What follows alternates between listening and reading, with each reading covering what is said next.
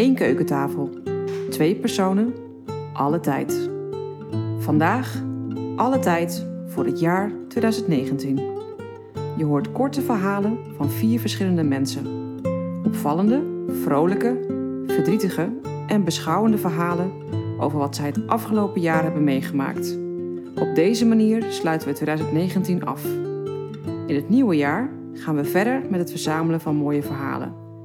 Daar nemen we alle tijd voor. We wensen jullie hele fijne kerstdagen en een mooi 2020. Hoi, ik ben Sebastian Zoetemunk. Ik ben 43 jaar. Ik woon in Zoetermeer. Ben getrouwd met Dennis. Ik ben een uh, politiek incorrecte hairstylist. En je zou mij kunnen kennen van Twitter en anders van de podcast die ik eerder dit jaar uh, met uh, Alle Tijd podcast maakte. Mijn verhaal van 2019 is een eerste keer verhaal. ja, dat er nog eerste keren zijn als je 43 bent, is al best leuk, toch? En zo zie je maar weer dat, dat, dat, uh, dat je kan blijven verwonderen en dat er van alles in je leven kan gebeuren. Uh, en ja, dit eerste keer verhaal begon in, uh, in Rotterdam met, met drie vrienden. één vrouw, twee mannen. de mannen zien er, zijn echt stoere hetero mannen. zien er zelfs een beetje gevaarlijk uit, zouden sommige mensen kunnen denken. En die vrouw is vooral wel lekker gek ding. Ehm, dus we waren een, een leuk gezelschap. We zijn begonnen in een café dat om twee uur dicht ging. We hadden een torenhoge drankrekening, veel te veel bier gedronken, veel te veel shortjes, veel te veel Southern Comfort. Dus je begrijpt, het was een goede avond en we hadden er erg veel zin in. Maar ja, twee uur, dan is de avond nog jong, dus wat gaan we doen? Vrouw in het gezelschap, die wilde nog wel even naar de Strano. Want daar werkte iemand uh, die jaren was en die wilde eventjes feliciteren, een vriend. Uh, prima, gaan we naar de Strano. Moet ik er wel bij vertellen, de Strano is een gay café. Dus uh, ja, nou, je moet wel echt um, doofblind en verstandelijk beperkt zijn. Wil je niet doorhebben dat ik homo ben. Maar deze twee andere gasten, ja, die, ehm, nou, laten we zo zeggen, die vallen wel op in een gay café. Maar goed, daar eenmaal aangekomen was het hartstikke leuk en hartstikke gezellig. Uh, uh, de dame in kwestie was vooral met haar vriend bezig en lekker heen en weer aan het lopen. Ik uh, stond met de twee stoere mannen aan de kant. op een, ja, we zaten op een vrij hoge bank tegen de muur aan. ik zat met die ene gozer op de bank, die andere die stond lekker een beetje om zich heen te kijken. En ik kreeg ineens heel veel aandacht van een jongen die daar was. die zag het wel zitten. wat natuurlijk ja, dat is, best leuk om te merken hè, dat, je het nog, dat je het nog hebt. Maar ja, weet je, je bent in een ander gezelschap. Ik ben getrouwd, ik zit er niet echt op te wachten. Dus dat probeerde ik hem heel vriendelijk duidelijk te maken. Maar ja, deze meneer had ook best wel wat op, dus dat lukte niet helemaal. Dus ik, telkens als hij weer naar me toe kwam, moest ik toch ja, met iets meer duwen en iets meer trekken om hem van me af te krijgen. Uh, en uiteindelijk was ik er echt wel een beetje klaar mee. Ik dacht, het is toch wel duidelijk genoeg. Dit gaat in ieder geval niet gebeuren. Dus ik heb hem echt weggeduwd naar zijn vrienden toe. Om hem toch wel goed duidelijk te maken dat hij te veel in mijn aura zat en dat ik er echt niet zoveel zin in had. Waarop deze meneer ja, iets naar mij riep. En ik begreep wel dat het iets agressief, agressiefs was, maar ik kon het niet helemaal verstaan. Dus ik negeerde het eigenlijk een beetje. Maar die vriend van mij met wie ik op die bank zat, die negeerde het niet. En ja, begon, zij eigenlijk, begon eigenlijk wat terug te roepen naar hem. Wat ik ook niet helemaal verstond, maar wat ook wel vrij agressief klonk. Denk, ja, goed, dat gebeurde. De jongen die vertrok uiteindelijk, dus het was eigenlijk wel prima. En nou ja, oké, we gaan lekker verder. We hebben een leuke avond. En ineens stond daar de portier van, van, dit, uh, van, van dit café naast ons met het verzoek of hij alsjeblieft het café wilde verlaten. En hier dus mijn eerste keer. Ik ben dus voor het eerst van mijn leven een café uitgezet. En niet zomaar een café, maar een gay café. Nou, ik vind het toch wel heel wat. Ja, dus dat wilde ik toch wel even gemeld hebben. Nou ja, goed, waarom zijn we nou eigenlijk dat gay café uitgezet? Dat, ik had geen idee op dat moment. Ik, nou ja, ik ging er maar in mee. Maar ik dacht, wat gebeurt er? Waar gaan we heen? Wat gaan we doen? Waarom moeten we weg? Uh, nou ja, eenmaal buiten aangekomen was, bleef dat voor mij nog steeds een grote vraag. En ja, wat bleek nou toen ik de jonge man uh, wegduwde, uh, heeft, noemde hij mij een kankerflikker. Wat niet heel netjes is, maar ook best raar in een gaycafé. Uh, waarop mijn vriend dus inderdaad, of die vriend van mij dus reageerde van... Nou, doe even normaal je gozer en we slaat het op. Nou ja, dat was een dan wat er gebeurd was, wat er geroepen, wat er gezegd was. Maar uh, de partij beweerde dat er dus een kopstoot was uitgedeeld. Nou, dat was zeker niet het geval. Want ook al kon ik die twee niet verstaan. Ik heb wel gezien dat er geen kopstoot was uitgedeeld. Dus dat was echt grote onzin. Waarop die andere vriend zei, uh, heel droog zei: Ja, ja, misschien niet echt helemaal een kopstoot. Maar ik denk wel dat mijn elleboog een beetje in de weg zat. En ja, de volgende dag stuurde hij mij dus een foto van zijn elleboog. En die was inderdaad enigszins licht beschadigd. Dus ja, die had wel een uh, zetje uh, uh, uitgedeeld. En um, nou ja, zo was het, is het dus gekomen dat, dat ik een café ben uitgezet. Een, een gay café of all places. En dat was mijn eerste keer. Ik denk ook wel mijn laatste keer. maar het was wel een hele ervaring. Dus hoe kan ik dit verhaal mooi afsluiten? Het is dat het toch fijn is om te weten dat je vrienden het voor je opnemen. Um, ja, dat in Rotterdam dat je daar heel goed uh, kan drinken. En ja, dat, uh, dat uh, de, de wonderen de wereld nog niet uit zijn. Zelfs ik kan een gay café uitgezet worden. Ja, dit was mijn verhaal van 2019. Nou, ik hoop dat, het, dat, dat jullie het leuk vonden. Ik wens iedereen sowieso een, een, een, een heel mooi nieuw jaar, 2020, een nieuw decennium. Ja, laten we er met z'n allen iets moois van maken. Um, en nog heel veel luisterplezier. Doei!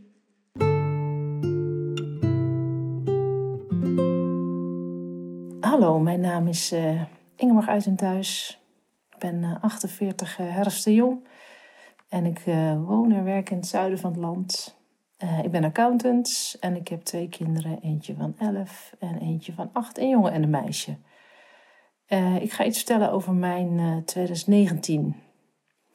Als ik nadenk over 2019, dan komt het woordje inzicht in me op. Ja, dat klinkt al gelijk al heel zweverig, hè? Van hoezo krijg je pas op je 48ste inzichten? Nou ja, goed, 2019 eh, was wel het jaar waarin dat woord belangrijk was. Een aanleiding was eigenlijk het overlijden van twee jonge mensen in mijn omgeving eind 2018.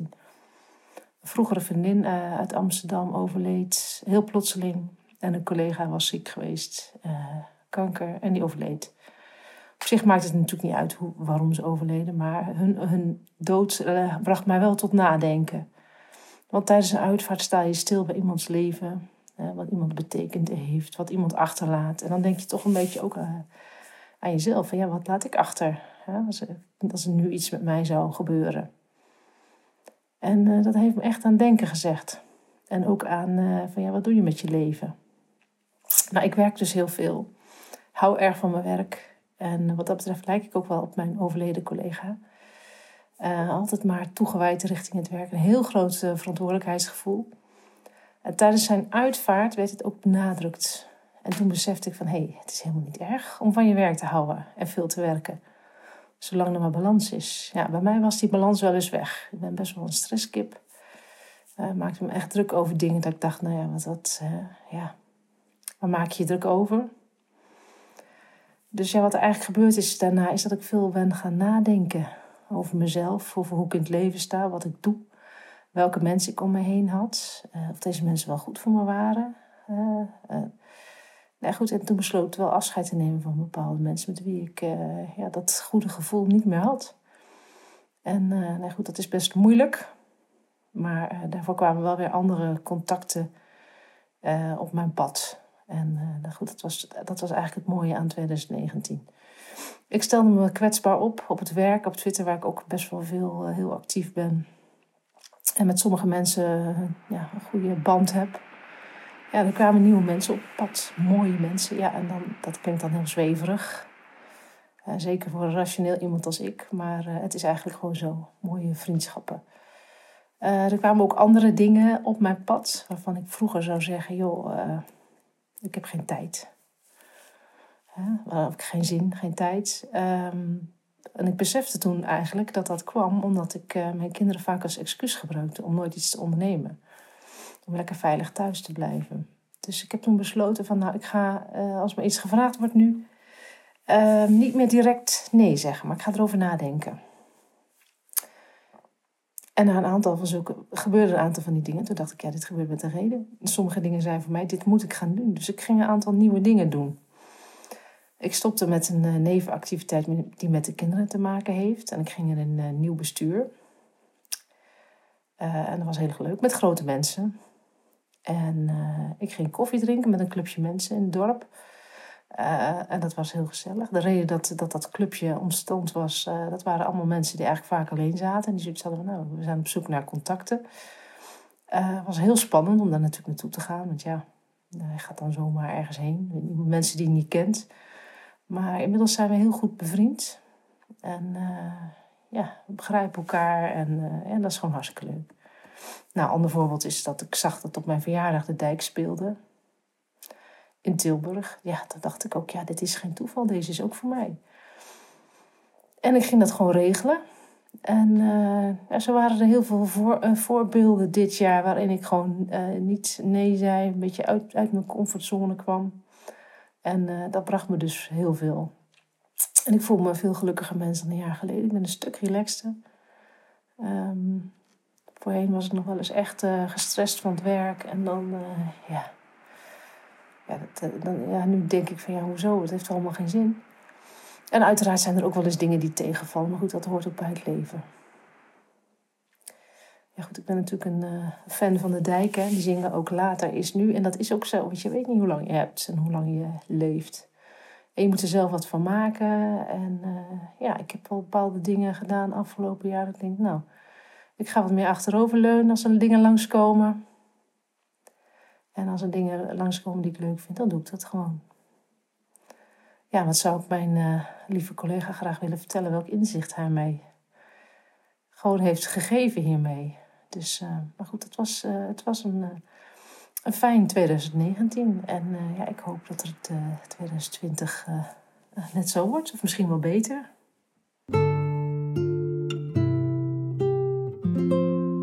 Elk jaar maak ik een verslag over een jaar. Wat ging er goed, of juist niet? Wat zijn de plannen? Nooit eerder heb ik het in mogen spreken en eerlijkheid biedt mij te zeggen dat dit spannend is. Mijn naam is Mark. Op Twitter ben ik te vinden onder het apenstaartje met de naam Zaagvis. Toen mij gevraagd werd te spreken over iets wat je hebt meegemaakt en heftig is, kon ik, voor mij, tot mijn grote verbazing, voor het eerst Sinds ik op jaren terugkijk, en geloof me, dat is al gauw twintig jaar dat ik beschouwingen maak van het jaar zelf. Maar ik kon concluderen dat ik privé niks heftigs heb meegemaakt. Dat is een zegen. En ik voel me hierdoor ook gezegend. Ik ben gezegend met de kinderen en met Andrea en prijs me dan ook een gelukkig man. Maar geluk leren kennen is volgens mij alleen mogelijk als je ook de andere kant van gelukkig zijn kent. Kortom, ongelukkig zijn. Ik weet wat ongelukkig zijn is, geloof me. Ik ben het jaren geweest. Maar ik wil toch zeggen aan iedereen die dit nu doormaakt en denkt: what the fuck gebeurt mij nu allemaal? Neem van mij aan. Je zit in een proces. En ook voor jou gaat de zon schijnen. Die zon schijnt sowieso. Elke dag die je meemaakt is een dag die je niet meer terugkrijgt. En dat maakt soms ook dat ik zo verbaasd kan zijn. Verbaasd over hoe snoeihard mensen tegen elkaar kunnen zijn. Hoe ze elkaar kleineren, wegpesten, niet meer bereid zijn naar elkaar te luisteren. Ik vind dat heftig. Juist wij als mensen zouden zoveel goeds voor elkaar kunnen doen. En het lijkt er steeds meer op dat we dit verzuimen. En gezien mijn werk als verpleegkundige op een crisisafdeling psychiatrie, zie ik dat we tekortschieten. Tekort op alle fronten. Het mooie is, er is geen dag te laat dat je tijd kan keren. En het grappige is, elke dag ben ik daarmee bezig. Voor mezelf. Want hoe zeker ik ook vaak klink, ik ben over mezelf niet altijd zeker. En door heel veel te praten met Andrea en veel te luisteren naar anderen, waaronder deze podcast, kwam ik erachter dat die communicatie voor mij nog vele malen beter kan. Ik heb mezelf dan ook doelen gesteld. En dat is iets wat ik iedereen van harte aan kan bevelen. Die doelen had ik niet kunnen stellen zonder ruggensteun. Zonder iemand die mij vertelde: hey, jij kan dit. En voor mij was dat Andrea. Samen met Andrea maakte ik de mooiste reis die ik tot nu toe met iemand had mogen maken. De reis naar Canada om precies te zijn. En dan, nog specifieker, Vancouver Island.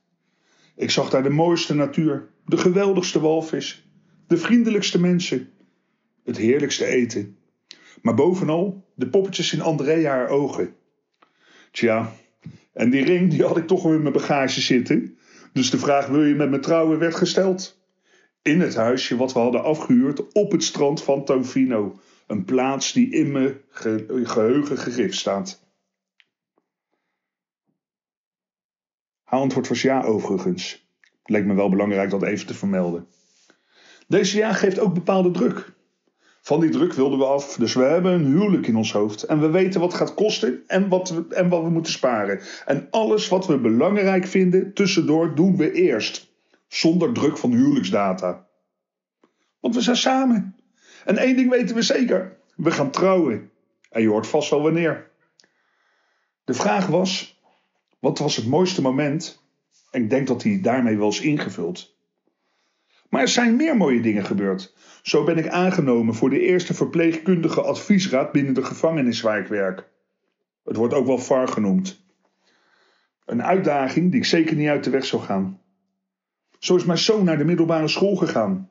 Hij is een strijder met een eigen wil. En ik ben een trotse vader dat ik hem dit jaar weer heb mogen begeleiden in zijn weg naar de toekomst. Mijn dochter is een niet te stuiten brok positiviteit. En ik hoop dat ik haar dit de rest van haar leven mag zien doen. Het vader mogen zijn van deze kinderen lijkt elk jaar een beetje meer specialer te worden. Ik ben trots op ze en vereerd dat ik hun vader mag zijn. Andrea en mijn zoon en dochter. Ze vormen een front tegen mij. Een front van plezier wel te verstaan. De klik die Andrea heeft met mijn zoontje. Als je het ziet, lijkt het wel voor twee zielen elkaar hebben gevonden. En dat is waar ik van kan genieten. Andrea, die de haren doet van mijn dochter, terwijl ik gewoon vergeet koffie te drinken. Want ik kan hiervan genieten. En daar gaat het uiteindelijk om. Het genieten van de kleine dingen en altijd doelen blijven houden. Voer die doelen uit met passie en je zal zien dat je leven er anders uit gaat zien. En dat was misschien wel de les van het jaar. Voor mij. Kortom, een jaar waar ik niets over te klagen heb. Maar waar ik wel heb geleerd dat ik meer waard ben voor anderen dan ik ooit vermoedde. En waarbij ik als doel heb gesteld dit tegen anderen te zeggen. En deze podcast leek me een goed begin hiervoor. Hele fijne dagen gewenst voor iedereen. En spread the love.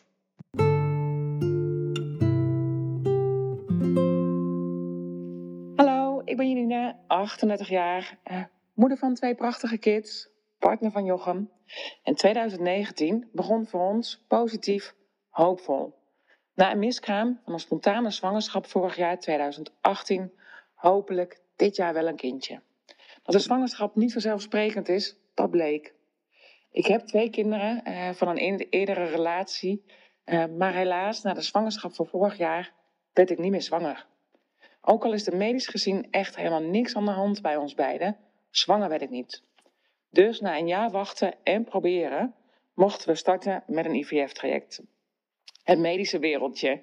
Het medische wereldje waarin ik werk als verpleegkundige. En nu stond ik aan de andere kant. Um, het prikken, het ziekenhuis bezoeken, de echo's. Kortom, er is echt niks romantisch aan aan het hele IVF-traject. Maar hey, hopelijk voor een goed doel. En vlak voor de zomer was het zover. Na drie terugplaatsingen. Ja, ik bleek zwanger. Super fijn. Voordat we op vakantie gingen, werd er nog een echo gemaakt. Er was een hartje te zien. Het klopte. Alles was goed. Heerlijk op vakantie met elkaar. Maar eenmaal in Frankrijk bleek na een paar dagen dat het misging. Ik begon te bloeden, dus op naar een Frans ziekenhuis. Met de taalbarrière deed de gynaecoloog en de medewerkers in het ziekenhuis hun uiterste best voor ons. Maar helaas, op de echo was geen hartje mee te zien. Dus wederom weer een miskraam. En nu maar afwachten. Afwachten of alles vanzelf ging. Wat doen we? Blijven we in Frankrijk of gaan we terug naar Nederland? Het verdriet, het pijn eh, en ondertussen ook hè, toch het, het vakantiegevoel hebben. We hebben, we hebben besloten om te blijven in Frankrijk. Hoe moeilijk ook, uh, het is toch even een andere omgeving. Je bent eruit en met elkaar. Nu, inmiddels drie maanden verder, mag ik weer starten met IVF-traject. Ik moet natuurlijk zeggen, wij mogen weer starten, want we doen het met z'n tweetjes. Weer de medische molen van het prikken en de echo's. Maar hopelijk voor een goed doel. En wie weet word ik dit jaar nog wel zwanger. He, mag, het toch zo, mag het toch zo zijn? Het is de laatste keer van het IVF-traject. Het is de laatste kans om op deze manier zwanger te mogen worden. Laten we hopen dat het in 2019 nog lukt. En anders in 2020. We houden hoop en we zijn positief. Uh, en voornamelijk doen we het met elkaar. Ik wens iedereen voor 2020 uh, een hoop liefde en geluk. En natuurlijk veel gezondheid. Op naar een mooi nieuw jaar. Dit was de Altijd podcast van deze week. Vond je het leuk? Je kan je abonneren via Spotify, iTunes of je favoriete podcast app. Wil je meer Alle Tijd? Volg ons dan op Twitter en Instagram of mail naar alletijdpodcast.outlook.com.